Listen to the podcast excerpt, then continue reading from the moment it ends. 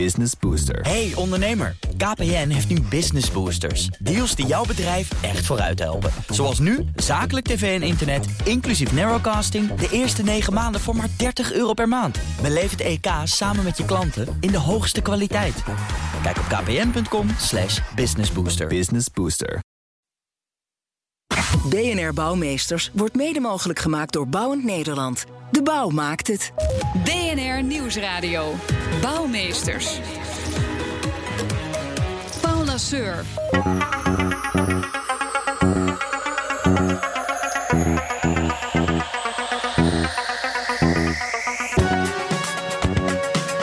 Welkom bij Bouwmeesters voor de bedenkers, bouwers en bewoners. En u hoort het al aan ons openingsmuziekje van Night Rider. Deze uitzending gaat over auto's en mobiliteit in de gebouwde omgeving. Het tijdperk van iedereen een eigen auto voor de deur loopt ten einde. Straks moeten we allemaal geloven aan autoloze binnensteden en deelfietsen. Mijn twee gasten vandaag hebben allebei een verschillende mobiliteitsvisie voor de steden van morgen. Mark Bras is hier. Hij is hoofdinnovatie bij BMW I. En Arnoud Nijdig. Hij is marktgroepdirecteur infrastructuur bij ingenieursbureau Arcades. Hartelijk welkom allebei. Ja, dank u wel. Ja, en zoals elke uitzending beginnen we met het bouwnieuws van mijn gasten. Mark, jij wilde het hebben over de gestegen parkeertarieven in Amsterdam. Voor een uurtje ben je straks eh, 7,5 euro kwijt in onze hoofdstad. En dat is, dat is een hoop geld natuurlijk. Waarom wil je dat bespreken? Nou, opvallend omdat het als consument natuurlijk een, eh, een shock is dat het nog weer duurder wordt. Maar eh, zakelijk gezien is het natuurlijk interessant dat het extra druk zet op het delen van auto's. Ja. Woon je zelf in Amsterdam? Nee. Dus ook geen, geen vergunningsproblemen. En, eh, Nee. dus als je hier bent, ben je altijd aangewezen op, eh, op die hoge parkeertarieven. Exact. Ja, oké. Nou ja, dat, dus misschien eh, is dit een manier om mensen in de deelauto te krijgen. Wie weet, we, we gaan, het, eh, gaan het zien. Eh Arnoud, jij wilde het hebben over de uitrol van het 5G-netwerk... en de invloed daarvan op eh, de steden. Wat, wat is die invloed? Want ik, ik dacht, er gaat gewoon een knop om in de centrale... en dan wordt 4G 5G.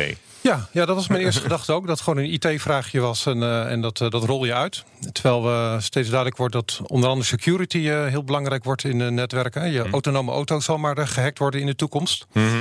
Maar ook een ruimtelijke vraag. Als je weet dat zo'n eh, antenne maar 250 meter eh, wegkomt. Dat betekent dat je de steden enorm eh, ja, anders in moet richten. En ontzettend veel antennes juist erbij krijgt. Oh, Dus wordt het, ook- het bereik van 4G-antennes is veel groter dan straks van 5G-antennes. ja, ja, bereik een stuk minder. Dus je krijgt ook een hele ruimtelijke opgave erbij. Oh, maar dat, dat wordt dan echt nog wel vrij dramatisch om dat allemaal aan te leggen ook. Ja, dramatisch of grote uitdaging. Dus het is echt niet zonder meer dat dat. Maar Oh, je denkt, liever, je denkt liever in eh, uitdagingen. En, en die kunnen ook niet eens allemaal bovenop daken staan... zoals we nu gewend zijn van die 4G-masten. Nee, nee, voor een deel wordt het tegengehouden. Dus dan moet je wat, eh, wat lager bij de weg of aan lantaarnpalen of anderszins. Dus dat gaan we zien. Een beetje zoals met- die schotelantennes die, die je Ja, aan, aan de ja we flats doen eh, ook ziet wel een heleboel pizzadozen die geïnstalleerd moeten worden. Oké, nou dat, dat, wordt nog, dat wordt nog wennen. Maar dus ook, ook eh, verder qua, eh, qua, qua netwerk is dat, ook- is dat ook nog, eh, nog ja, je ziet ook, er worden steeds meer bruggen en tunnels op afstand bedienbaar. Dus dat betekent dat het ook steeds meer via digitale netwerken loopt. Ja, en ook daar is security en je vitale infrastructuur. Daar moet je natuurlijk wel heel zorgvuldig mee omgaan. Oké, nou ja, het heeft ook te maken met, eh, eh, met mo- mobiliteit en automobiliteit. Want die, eh, dat 5G-netwerk gaat er ook voor zorgen dat straks auto's zonder bestuurder kunnen rijden. Dus de zelfrijdende auto gaat erop, gaat erop draaien. Ehm, nou, die mobiliteit. Mark, en dan begin ik bij jou. Hoofdinnovatie bij BMW i, de, de, autofabrikant, wel bekend natuurlijk. Jij houdt je bezig met vernieuwingen op het gebied van mobiliteit bij BMW. En de reden voor je komst is, ehm, is de koppeling die jullie maken tussen deelauto's en de gebouwde omgeving. Hè, jullie kunnen ervoor zorgen dat er in een, eh, in een nieuw gebouw ook, ehm, ook altijd vier deelautootjes eh, tot, eh, tot beschikking Ja, voor de staan. bijvoorbeeld, Dat, dat is het idee, hè? En ehm, het gaat dus over autodeelplatforms en eh, e-mobiliteit. En de, eh, want je hebt het altijd meteen over elektrische auto's dan eigenlijk. Nou, je ziet dat eh, de, de stedelijke omgeving en, en dus de steden eigenlijk niets anders eh, willen dan alleen nog maar elektrisch vervoer in de binnenstad. Of in ieder geval uitstootvrij vervoer. En dan is de combinatie van deelauto's in combinatie met een elektrische aandrijving eh, ja, voor de hand liggend. Ja. En dat leidt dus ook tot samenwerking met, met projectontwikkelaars en met, eh, met bouwers. Abs- absoluut. Dus we, we vormen nieuwe partnerships met steden, met, met ontwikkelaars, soms zelfs met architecten, omdat we vroeg eh, in het stadium van een, van een project aan tafel zitten om te kijken hoe we het kunnen integreren. Omdat het heel erg moeilijk is om het achteraf Ja. in te brengen, want het gaat echt wel om gedragsverandering. Ja. En jullie klant is dan niet meer eh, de, de eindgebruiker, maar eigenlijk de- daarboven nog.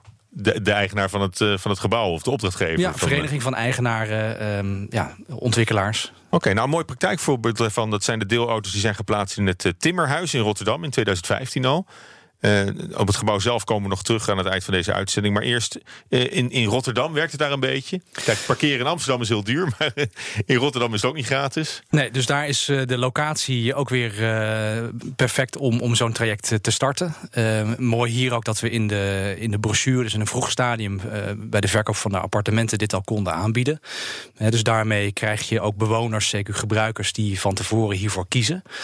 Maar tegelijkertijd leer je ook dat het gaat om gedragsverandering. En dat er een heleboel voor nodig is om eh, mensen echt over te krijgen in, eh, in, in deel, uh, deelgebruik. Ja. Ja, en, en je moet natuurlijk ook een hele infrastructuur en een, en een installatie aanleggen. Waardoor je al die auto's ook kunt laden onder in de garage. Absoluut. dat is allemaal nodig. maar aan de andere kant is dat ook wel het, het, simpele stuk van het traject. Hmm. want op het moment dat de auto's er staan, de applicatie werkt. Uh, dan, dan gaat het eigenlijk pas beginnen. Hè. Dan moet je gaan werken aan dus gedrag, gebruikers. Gedrag is het moeilijkst? Gedrag is het moeilijkst. Want jullie hadden gewoon een, een app en de, en de beschikbaarheid van die auto's... maar die, die werden niet gebruikt? Nou, die, die werden in het begin uh, vooral gebruikt om het uh, te proberen. Maar de, de, kunst is om mensen echt om te, om te, te, laten, te, te laten gaan met dit nieuwe uh, vervoer. Ja. En ook de keuze te maken om bijvoorbeeld hun tweede auto weg te doen. Ja. en, en dat is wel een hele grote stap. En dat is nog niet gelukt? En dat is nog niet overal gelukt, nee. Maar dat, houden jullie, dat volgen jullie dus wel. Want het is voor jullie ook een, een manier om, om te leren van hoe, hoe bewoners omgaan met, met deze mobiliteitsoplossing. we zien dat al die projecten die zijn uh, verschillend. Verschillende gebruikersgroepen, verschillende locaties, uh, andere uitgangspunten. En dit zijn eigenlijk allemaal leertrajecten om die dienst steeds beter te ontwikkelen. Hmm. Tot, tot hetgeen wat er, wat er nodig is. Ja. Dan Arnoud van Arcades. de reden voor jouw komst naar de studio is jullie mobiliteitsvisie Nedernet. Zo, zo noemen jullie dat. En het idee daarvan is, straks heeft helemaal niemand meer een auto. En is onze mobiliteit in steden helemaal anders. Dus dan hebben we ook die, uh, die BMW i3 niet meer nodig, die, die nu nog uh, onder, uh, onder het timmerhuis staat. Ja, dat zou kunnen lijken. Ja, ik denk qua duurzaamheid van de stad... dat een autoloze stad nou, misschien een, een mooie droom is. Mm. Maar we zien eigenlijk de belangrijkste opgave... als we nog een miljoen woningen in Nederland uh, uh, moeten bouwen... om dan ook te zorgen dat er uh, niet ook nog een miljoen auto's bij komen. Mm -hmm. Het is natuurlijk al druk genoeg in de steden. Ja, ja, ruimte voor verdere uitbreiding van auto-infrastructuur. Je ziet eigenlijk meer de tegenovergestelde bewegingen. Meer ruimte voor fiets. Ja. Nou, daar sluit onze visie ook bij aan. Uh, en daarnaast vind ik de ontwikkeling uh, zoals die bij, uh, bij BMW nu loopt... denk ik een hele positieve ontwikkeling. Hè? De elektrische auto mm. stimuleren en ook de deelauto. Ja. Wij zien ook in parlits die we op de Zuidas draaien... dat als je een deelauto hebt, dat je veel meer een dagelijkse keus maakt. Ja. Dus ook vaker de fiets neemt, vaker het OV. En als de auto juist de goede optie is, nou, dan neem je juist de auto. Ja, maar dat is een van de begrippen van, uit, uit de deeleconomie. Hè? Ja. Dus niet het, niet het bezit, maar het gebruik van de auto ja. staat straks centraal. Ja, en is het be bezit loslaten is denk ik een van die belangrijke gedragsveranderingen ja, die, die je daarvoor nodig hebt. Zodat je juist elke dag nou, de keuze maakt die er past. Want er zijn genoeg mensen die elke dag hm. deels een andere mobiliteitsbehoefte hebben. Ja. Nou, en daarin en dat, is, dat is vaak een combinatie. Ja. Dus dat is met, met, met de fiets naar het station van, van de metro. Ja, met fiets naar het station. Of desnoods als je in het buitengebied woont met de auto uh, naar het station. Uh, nou, juist die ketenverplaatsing is heel belangrijk. Mm -hmm. ja. En, uh, dus ja, alle auto's stadden, dat is nou niet meteen het beeld. Maar ja. verder juist een duurzame leefbare ontwikkeling. En meer ruimte voor fietsen en OV. Ja. ja, dat is juist uh, wat we kunnen de, de, bereikbaarheid kunnen we ook, uh, ook goed verbeteren. Hè, op het moment dat we de auto toevoegen aan het openbaar vervoer. Waardoor die auto eigenlijk een, ja, een openbaar vervoersvorm wordt.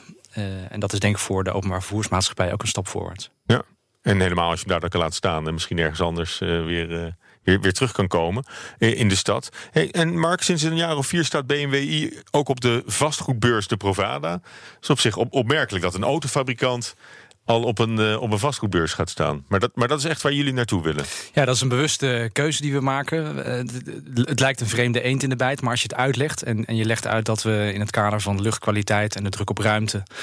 En de, en de vergroening, dat we daardoor eigenlijk een oplossing bieden... door de auto te integreren in, in vastgoedprojecten. Uh, om echt te helpen bij, uh, mm -hmm. bij het oplossen van de, de druk op de parkeernorm. Ja. En dat uh, ontwikkelaars daar ja, heel veel interesse in hebben. En het is niet alleen de, de autootjes zelf, maar het is ook een, het batterijsysteem bijvoorbeeld. Wat, hoe dat moet worden verwerkt. Ja, idealiter heb je een ecosysteem waarbij de elektrische auto ook op, op duurzame energie kan laten rijden. En dan op basis van zonnepanelen bijvoorbeeld ja, dagelijks rijdt, maar ook een, een batterij opslagsysteem. Dus is echt een, een totaal S'nachts te kunnen oplossing opladen op die jullie dan, eh, Ja, die jullie dan eh, Ja. aanleveren. En eh, Arcadis, eh, Arnoud, is ook op de Zuidas bezig. En niet met het vormgeven van een gebouw met duurzame mobiliteit, hè, zoals deelauto of deelfietsen. Maar een hele nieuwe mobiliteitshub. Hè, niet het bezit, maar het gebruik van auto of fiets. De deeleconomie rukt op. Is, is dat wat jullie met die mobiliteitshub ook proberen te, te bereiken? Ja, op de Zuid is het het Mobility as a Service, eh, wat op eh, meerdere Mhm. pilots in Nederland eh, draait. Waarbij je inderdaad niet meer het bezit hebt, maar gewoon gebruik maakt van een heleboel verschillende mobiliteitsdiensten. En een nieuwe ontwikkeling is juist op het moment dat je ergens een nieuwe woonwijk bouwt, en dat gebeurt natuurlijk ook op verschillende plekken, dat je dan meteen nadenkt hoe ga je nou wonen, werken en mobiliteit tot één concept maken. De Vereniging van Eigenaren werd nu al genoemd, maar misschien wel naar de Vereniging van Mobiliteit toe, om daar als totaalconcept dat neer te zetten. En helemaal als je denkt dat er eh, eh, vooral in de grote steden ook echt ruimte is om te, te verdichten en te bouwen over sporen. Liefst bij stations. Nou, dan heb je eigenlijk natuurlijk het mooiste, de mooiste plek om echt een eh, hele nieuwe mobiliteit vorm te kunnen geven. Ja, Omdat- en, en, kost het nou de moeite om, om die bankiers en die advocaatjes uit hun, uit hun dikke BMW te krijgen? Nou, van, uit de eerste, we hebben eerst een soort challenge georganiseerd met een heel klein clubje van hoe werkt dat nu. En daar komen heel veel enthousiaste verhalen over terug. Dus toch wel. Ja. Dus dat wordt, wordt nog niet eens de grootste uitdaging. eh. Eh, nee. nee, ik denk dat er echt meer mogelijkheden liggen dan je in eerste instantie zou denken. Ja. Ja, als je wil bouwen in een stad krijg je te maken met parkeernormen. Ik wist het ook niet. Maar gemeenten schrijven voor hoeveel parkeerplaatsen er minimaal moeten komen bij nieuwbouw en herbouw. Maar dan lijkt mij dat die normen eigenlijk. eh, nog, dat, dat is nog heel erg de oude wereld natuurlijk. Want in de toekomst hebben we helemaal niet meer zoveel parkeerplaatsen nodig. Ja, helemaal als je in de verre toekomst hè, met de autonome auto's eh, zou kijken, is de vraag of er überhaupt nog geparkeerd wordt op eh, de drukste, in de drukste delen in de stad eh, bij appartementen. Die Dus- auto's blijven rondjes rijden. En steeds, nou, dat is een eh, ander. Dan praten we over de zombie-auto. Dat is ook niet wat je wil. Want dan wordt de infrastructuur dermate belast. Dus dat zal nog een, eh, een mooi vraagstuk eh, worden. Maar nou, dat, is, dat is naar de verre toekomst. Eerst gaat het natuurlijk over de komende jaren. En dan eh, denk ik dat je juist in de gebieden waar je nu met nieuwe ontwikkelingen bezig bent. En juist ook met eh, de, e-fiets, de e-bike, eh, eh, deelauto's. Dat, dat je al die systemen wel eh, ja, goed mee moet nemen in je parkeernormen. En misschien ook wel de stap. Ik las ergens eh, juist eh, richting de mobiliteitsnormen vast zou moeten stellen voor een gebied. Dus eigenlijk zou je die parkeernorm moeten ver- vervangen door- voor een mobiliteitsnorm. Ja, als, vooral als je een mooie Klinkt ook een stuk dynamischer. Ja, als je een mooie mobiliteitsmix op een gebied hebt en ook echt waarborgt. Ja. Want dat is natuurlijk ook dat je het voor de lange termijn waarborgt. Hè. Dus niet een pilot die na een jaar subsidie over is. Nee, maar juist voor de lange termijn daar een goede mobiliteitsconcept neerlegt. Die ook past bij de doorontwikkeling. Want over vijf jaar is de mobiliteit echt heel anders dan nu eh, wat mogelijkheden betreft. Eh, dat je dat goed vastlegt. Dan denk ik dat je echt met andere normen eh, aan de slag kan. Ja, en ehm, toen jij Nedernet eh, uitzocht, eh, kwam je toen ook die parkeernormen tegen? Was was het nog iets wat. Eh, Ja, we kennen de parkeren. Dan komen we in verschillende steden tegen. Vooral als we bijvoorbeeld uh, mooie effectrapportages maken voor hele grote uh, ontwikkelingen. Dan reken je ook door, hey, hoeveel auto's komen daar? Uh, en wat betekent dat voor de infrastructuur? Wordt dat niet te veel belast? Mm -hmm. nou, als uiteindelijk blijkt dat dat te veel belast wordt, ook qua geluid en qua uitstoot. Ja, dan, voor je het weet, kan je bepaalde ontwikkelingen niet doorzetten. En dan wordt de stedelijke ontwikkeling echt geremd door de iets te veel traditionele mm. mobiliteitsbenadering. Ja. Dus het denken in mobiliteitshubs, in alternatieven, in deelautosystemen. Ja, die moeten het ook mogelijk maken. Dus, dus concreet als, als een nieuwbouw uh, wordt gepleegd vlakbij een uh, OV-knooppunt of een, of een station, ja. dan, hoef je, dan heb je daar niet zoveel parkeerplaatsen nodig. Nee, Nee, zeker niet. Want dan helemaal... wandelen mensen wel even naar de trein. Ja, naar de trein, uh, naar de metro. Is natuurlijk hoe meer in de stad. En, vergeet ook juist de fiets niet. Hè. Werk ook aan de mm. vitaliteit uh, in de steden. Ja. Dus liever nog op de fiets dan in de tram, uh, zou ik zeggen. Ja. Of naar de deelauto. Ja, nou ja, goed. jullie deelauto's, die, daar kun je natuurlijk zo een paar van kwijt in de parkeergarage. Als je in een gebouw neerzet, dan heb je ook op straat geen parkeerplaats meer nodig. Ja, klopt. Uiteindelijk is dat natuurlijk ook het doel. Dat je zoveel mogelijk een, een, een, een straatbeeld krijgt waar wat minder auto's in, in verschijnen. Echter lopen we nu nog wel tegen de situaties mm. aan dat je soms juist wat meer zichtbaar moet zijn met je nieuwe deelconcept. Om mensen ook uh, ermee te confronteren en te laten zien dat mm. het er is. He, dus meteen wegstoppen is, is ook niet in deze fase de oplossing. Ja.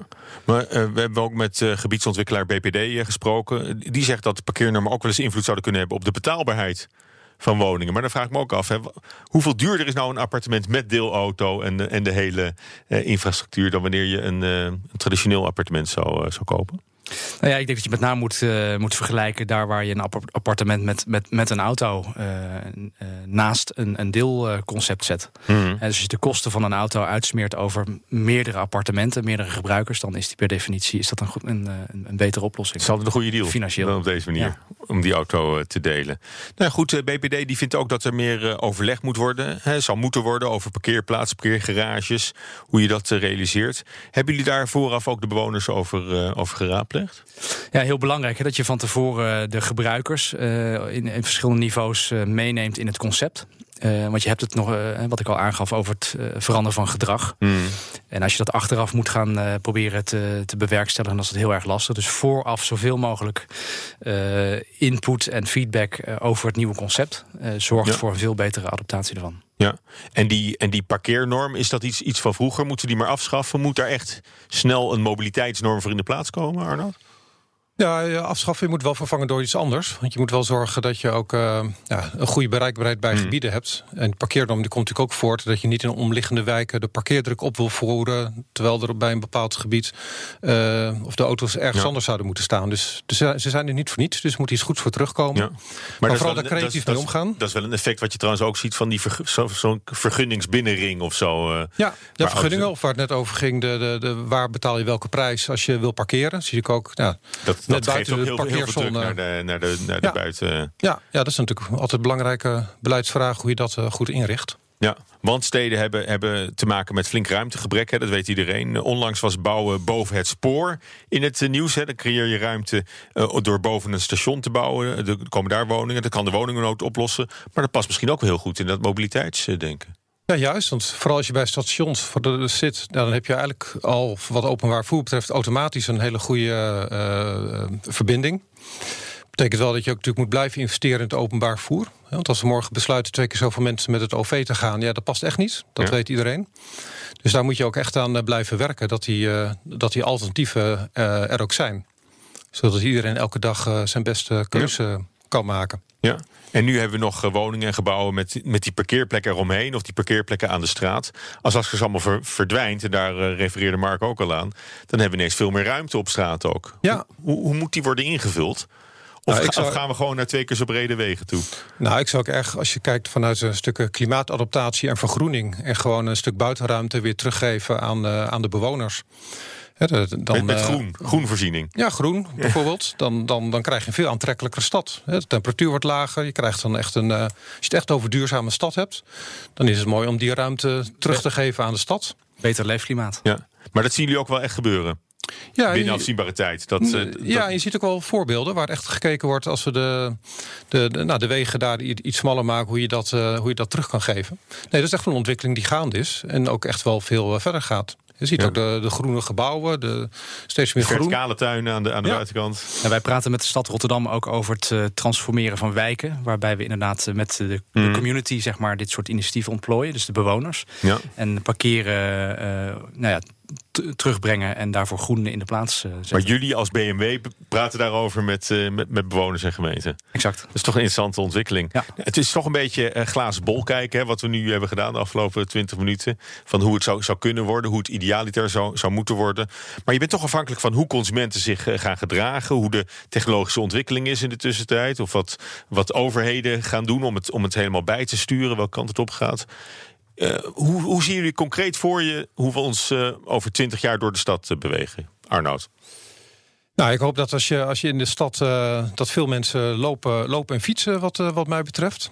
En ik denk een soort uh, ja, mix van, van auto en openbaar vervoer als, als autonoom rijdende pot gebruiken voor, voor de verbindingen waar dat voor nodig is. Maar dat wordt een mengvorm. Dat wordt een mengvorm, ja. Je ziet dat echt wel naar elkaar toe lopen. En wat ik heel belangrijk vind is dat het ook gewoon een inclusiviteit heeft. Dat het niet alleen maar voor de happy few is, hè, want dat wordt heel snel nu gedacht. Maar dat het ook voor, voor de leraar en voor de verpleegkundige, dat daar het gebruik en de mobiliteit ook echt beter van wordt. Ja. Uh, ja, dat vind ik heel belangrijk uh, voor de stad hier. Ja, en Mark, jouw visie? Nou, daar zit voor ons ook de kans dat we, dat we onze auto's voor een veel grotere doelgroep bereikbaar kunnen maken. Door per minuut te gaan betalen. In plaats door ze te delen, ja. En, en, en, ze te delen. Dat lijkt me een interessante ontwikkeling. We zijn aan het eind van het gesprek. Hartelijk dank. Mark Bras, directeur innovatie bij BMW Nederland. En Arnoud Nijdig, hij is onderzoeker bij Arcades. Dank jullie wel. Graag gedaan. BNR Bouwexpo. Ja, geen bouwmeesters zonder een bouwexpo. Daarvoor is uh, redacteur Judith Lane weer de studio binnengewandeld. Uh, Judith, je hebt een van die projecten van BMW nader onderzocht. We hadden het er al over, hè? het Timmerhuis in Rotterdam. Ja, klopt. Uh, het is van architectenbureau OMA van Rem Koolhaas. Die natuurlijk meerdere dingen in Rotterdam gebouwd hebben. Sorry, ontworpen hebben. En in dat Timmerhuis was in 2016 een van de winnaars van de architectuurprijs Rotterdam. Mm. Ze hebben ook nog een paar andere uh, prijzen gewonnen. En het leek me leuk om uh, dat huis, aangezien we het er toch over gehad hebben, om daar even wat meer over te vertellen. Um, het is ook wel bekend als het Stadstimmerhuis. Want vroeger was dat het kantoor van de gemeentedienst voor bouwzaken. Uh, en het oorspronkelijk ontwerp is van gemeentearchitect Koops. Dat is weer gebouwd tussen 1950 en 1953. En dat behoort Wederopbouw. Tot wederopbouwarchitectuur, ja. Nou ja, want het is een van de eerste gebouwen die na het bombardement van de Tweede mm -hmm. Wereldoorlog in de Tweede Wereldoorlog is neergezet. Um, en vanuit hier moesten ze dan dus de wederopbouw gaan uh, leiden. Ja, dus dat ding uit de jaren 50 staat er nu nog voor. Ja, en, en daar is een nieuwbouw achter gekomen. Ja, het is dus een L-vorm. Want wat hadden ze nou, uh, wat architect Koops bedacht? Uh, het is een langgerekt gebouw met vier vleugels. Maar uiteindelijk kwam er maar één. En daarom is het dus in de vorm van een L. Um, en in 2000 werd dat een gemeentelijk monument en is het ook gerestaureerd. Oké, okay, en na die verbouwing door bouwbedrijf Heijmans mm -hmm. in 2011, hè? Ja. Heeft, heeft, vier jaar geduurd. Hoe ziet het er ja. nu uit? Nou ja, ik zat erover na te denken. En het ziet eruit als een soort omhoog gestapelde ijsschot. Maar het is ook wel uh, omschreven als een soort wolk van vormeloze pixels. Uh, en ik moest ook heel erg aan Tetris denken toen ik het zag. Want het, het is eigenlijk een blokkendoos. Het is eigenlijk een blokkendoosje. Ja. ja. En niet alleen de buitenkant, maar ook de binnenkant is bijzonder. Want de, de constructie hè, van staal. Ja, zeker. Um, uh, ze hebben dus het oorspronkelijke gebouw laten staan. Dat is dus die L-vorm. En dan hebben ze ertussen eigenlijk een soort hele bijzondere staalconstructie er, erin laten zakken. Um, er zitten dus nu kantoren. er de bovenste, die blokkendoosjes, dat zijn dus appartementen, 91. Uh, er is een ondergrondse parkeergarage. Helemaal op de onderkant zit Museum Rotterdam. Er zijn ook nog twee torens bij. En die appartementen die zijn dus uh, gestapelde witte kubussen van glas. En zitten in een soort trapje op elkaar om je een voorstelling te geven. Maar die constructie is dus bijzonder omdat hij van staal is gemaakt. En dat is ook weer een uh, aparte constructie, niet zoals we hem normaal kennen. Um, het zijn allemaal kubussen op elkaar en die rusten dus op twee stalen poten van weer andere kubussen. Ik heb op de site uh, wat plaatjes erbij gezet. En, uh, maar het is net een spelletje Tetris, hè? Ja, maar het is, dus, het is dus zo ontworpen dat er maximale vrije uh, ruimte is om in te delen binnen dat raster wat ze dus ontworpen hebben. En er is ook veel meer gelast dan normaal, want je kan je voorstellen staal, dat moet je allemaal aan elkaar lassen. Mm -hmm. aan sommige constructiepunten hebben ze wel een week gelast. Oké, okay, dus dat geeft wel een beetje een idee. Ja, ja ik, ik, kan ook lassen. Ik heb laatst een cursus lassen gevolgd. maar ik kan me voorstellen nou, Paul, dat... Wil jij, als ik mijn huis ga bouwen van staal, wil jij dan komen lassen? Dat is, moet een hele tour uh, geweest zijn. En, en ja. in de kelder staan dus uh, wat van die BMW'tjes om, uh, ja. om te delen voor de bewoners. Klopt. Dus dat is interessant. Ja. En um, ja, tips voor uh, BNR Bouwmeesters of voor de Bouwexpo... die kunt u sturen naar bouwmeesters.bnr.nl... of gewoon tweeten naar BNR Bouw. Dankjewel, uh, Judith. Uh, tot zover deze aflevering van BNR Bouwmeesters. De uitzending is terug te luisteren via de app... of als podcast via iTunes en Spotify. Tot volgende week. BNR Bouwmeesters wordt mede mogelijk gemaakt door Bouwend Nederland. De bouw maakt het. Business Booster. Hey ondernemer, KPN heeft nu Business Boosters. Deals die jouw bedrijf echt vooruit helpen. Zoals nu, zakelijk tv en internet, inclusief narrowcasting... de eerste 9 maanden voor maar 30 euro per maand. Beleef het EK samen met je klanten in de hoogste kwaliteit. Kijk op kpn.com businessbooster. Business Booster.